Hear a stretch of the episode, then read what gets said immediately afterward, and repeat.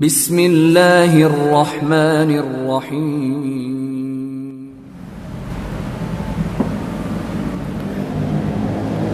الحمد لله. الحمد لله الذي نحمده ونستعينه ونستغفره.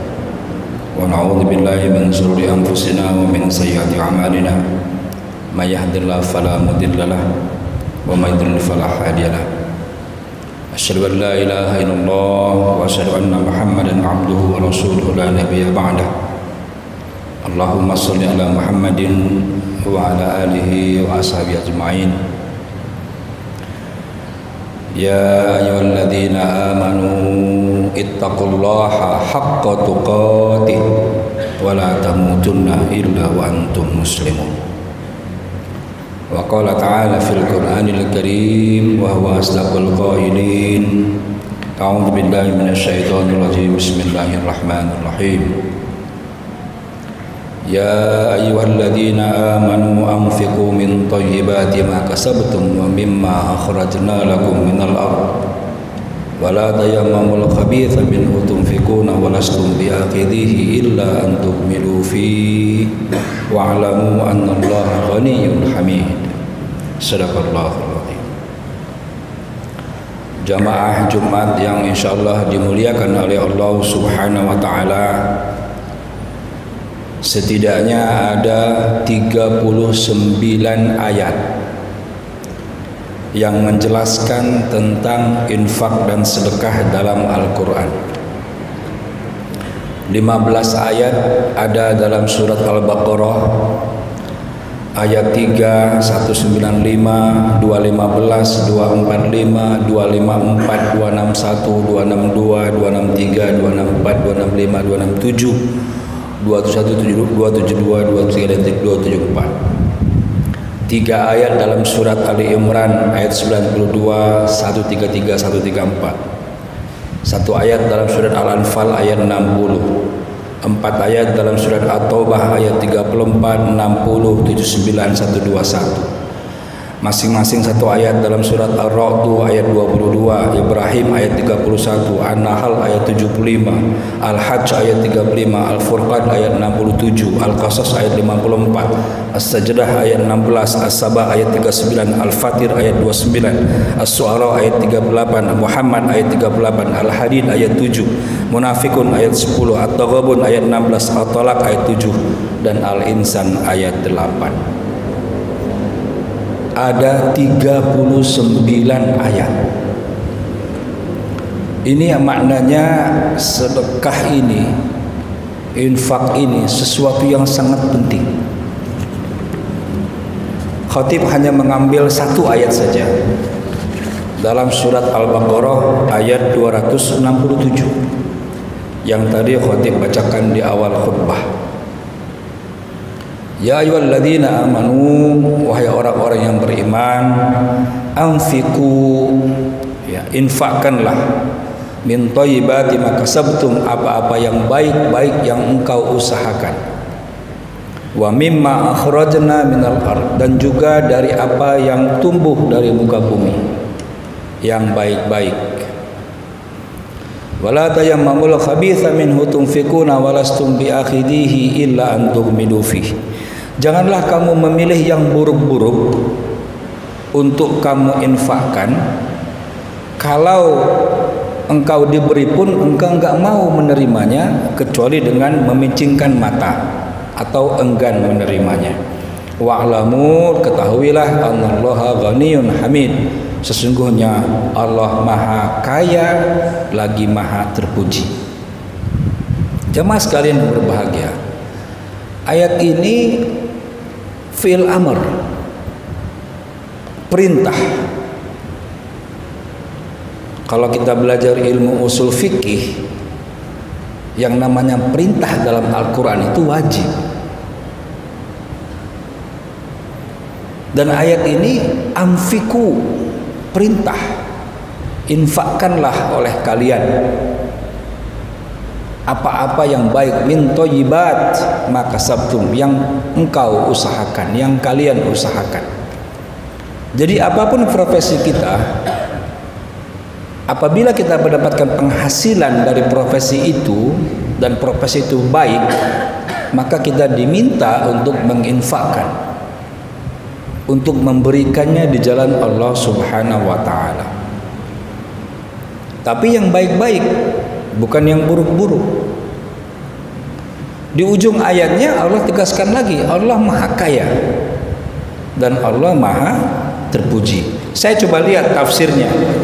Saya coba baca tafsir Buya Hamka, tafsir Al-Azhar menyatakan begini. Di ujung ayat Al-Baqarah 267 itu Allah menyebut dua sifatnya. Pertama, Maha Kaya. Yang kedua, Maha Terpuji.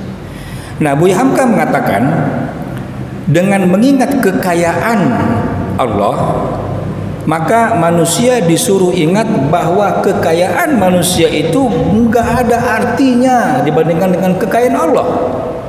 Itu tafsirnya Al-Azhar Buya Hamka jadi kekayaan manusia sehebat apa pun kekayaan manusia katakanlah korun yang paling kaya di muka bumi ini maka tidak ada apa-apanya dibandingkan dengan kekayaan Allah itu Buya Hamka menafsirkan yang kedua, Allah menyebut juga Maha Terpuji.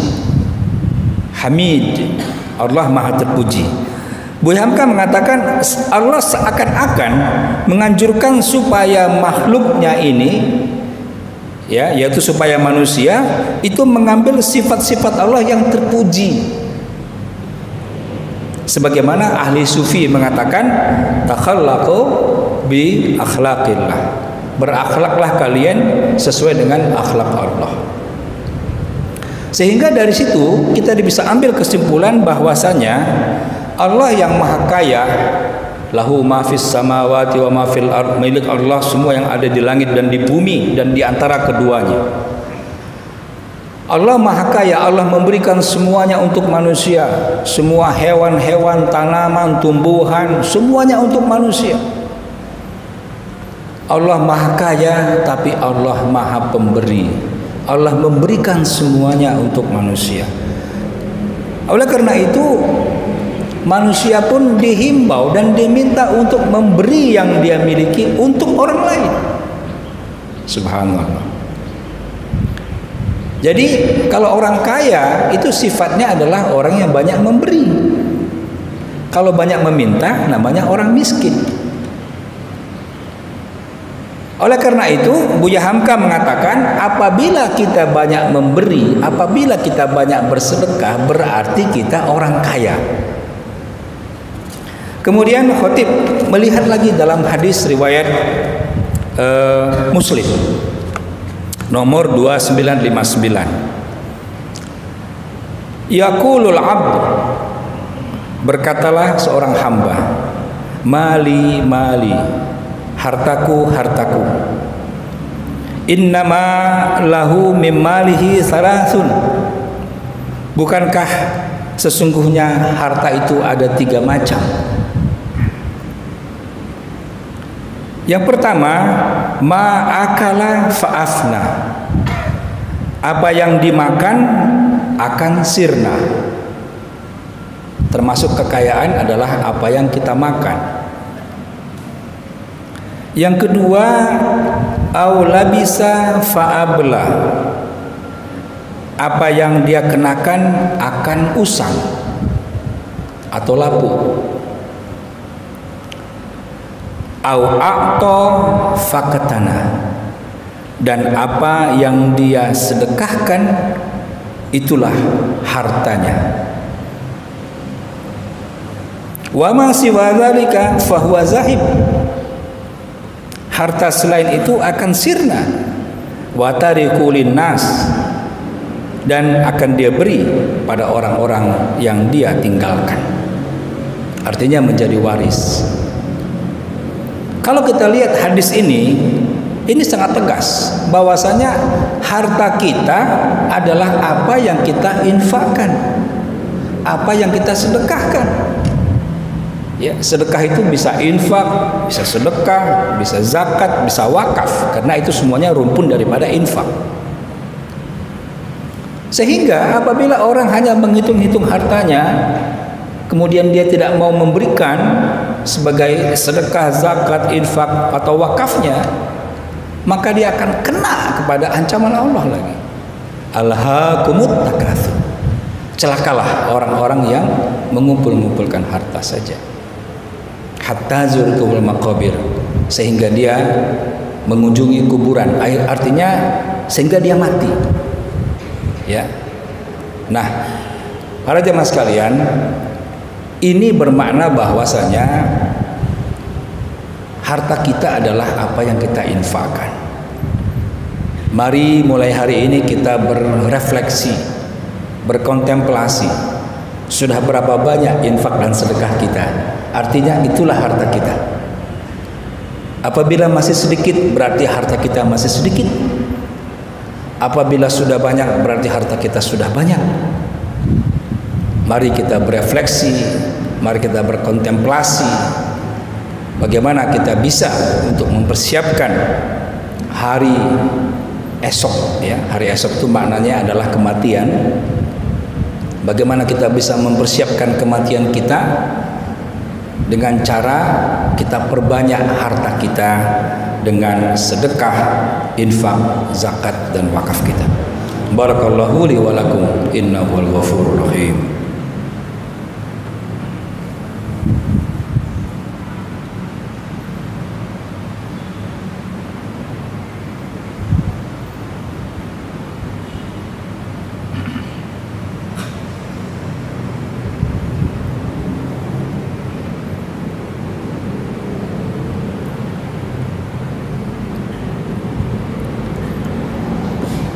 Alhamdulillah. Alhamdulillah hamdan kasiran kama amar. Asyhadu an la ilaha illallah Wa asyhadu anna muhammadan rasulullah. Allahumma salli ala Muhammad wa ala Muhammad Kama sallata ala Ibrahim wa ala Ibrahim Wa barik ala Muhammad wa ala Muhammad Kama barakta ala Ibrahim wa ala Ibrahim. Fil alamina innaka hamidum majid يا أيها الذين آمنوا اتقوا الله حق تقاته ولا تموتن إلا وأنتم مسلمون Jamaah sekalian, mari kita lihat kondisi terkini daripada COVID-19. Statistik melaporkan per hari ini total kasus 81.668 yang sembuh 40.345 yang meninggal dunia 3.873 tertinggi adalah Jawa Timur dan Jawa Barat ada di posisi nomor 5 apa maksud khotib mengutip data ini? Marilah kita membantu mereka. Marilah kita membantu saudara-saudara kita yang jelas terkena dampak COVID ini. Baik yang sifatnya terkena langsung lewat kesehatan maupun yang terdampak ekonomi karena ekonomi. Krisis dunia sebelumnya tidak pernah terjadi seperti ini. Krisis itu biasanya satu-satu Krisis ekonomi, ekonomi saja. Krisis kesehatan, kesehatan saja. Misalnya flu Spanyol yang menewaskan 500 ribu orang, hanya flu, hanya krisis kesehatan, tidak sampai krisis ekonomi. Tapi kali ini kita menghadapi dua krisis sekaligus. Krisis kesehatan dan krisis ekonomi. Nah, oleh karena itu Badan Wakaf Indonesia di mana khotib sebagai anggota meluncurkan program yang namanya Kalisa Wakaf Peduli Indonesia mengundang seluruh rakyat Indonesia untuk berwakaf hanya 50 ribu rupiah untuk membantu korban-korban COVID seluruh Indonesia. Bagi yang memiliki harta lebih, silahkan memberikan lebih. Bagi yang tidak memiliki harta, maka cukup dengan 50 ribu rupiah saja. Semoga wakaf yang kita berikan ini Allah catat sebagai investasi kita di akhirat, sebagai tabungan kita di akhirat. Siapa tahu menolong orang yang terdampak Covid ini yang kita lakukan dengan sedekah kita yang tidak banyak ini akan membuat Allah ridho kepada kita dan akan memasukkan kita ke dalam surganya Allah Subhanahu wa taala. Dan tidak lupa juga wakaf untuk masjid kita tercinta ini yang sama-sama kita lihat sedang dalam tahap pembangunan. Mari kita berikan rezeki terbaik kita. Khotib tidak bosan-bosannya menghimbau kepada seluruh kaum muslimin dan muslimat untuk mari bersama-sama bahu membahu kita jadikan Baitullah rumah Allah ini masjid ini sebagai investasi terbaik kita nanti dan sebagai hujah kita nanti menghadap Allah Subhanahu wa taala. Marilah kita berdoa semoga Allah menerima doa-doa. Allahumma fil muslimin wal muslimat wal mu'minina wal mu'minat al ahya'i minhum wal amwat ya qadi al hajat. Rabbana zalamna wa illam taghfir lana wa Ya Allah ya Tuhan kami jadikanlah kami orang-orang yang bersedekah. Jadikanlah kami orang-orang yang berinfak. Jadikanlah kami orang-orang yang berzakat. Jadikanlah kami orang-orang yang berwakaf. Ya Allah ya Tuhan kami Jadikanlah kami orang yang mampu berwakaf sebelum kami meninggal dunia ya Allah. Ya Allah ya Allah terimalah doa kami ya Allah. Terimalah doa kami ya Allah.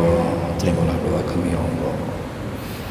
Ibadallah innallaha ya'muru bil 'adli wal ihsan wa ita'idil qurba wa yanha 'anil fahsya'i wal munkar wal baghy ya'idukum la'allakum tadhakkarun. Wa la dzikrullahi akbar. Aqimis shalah Allahu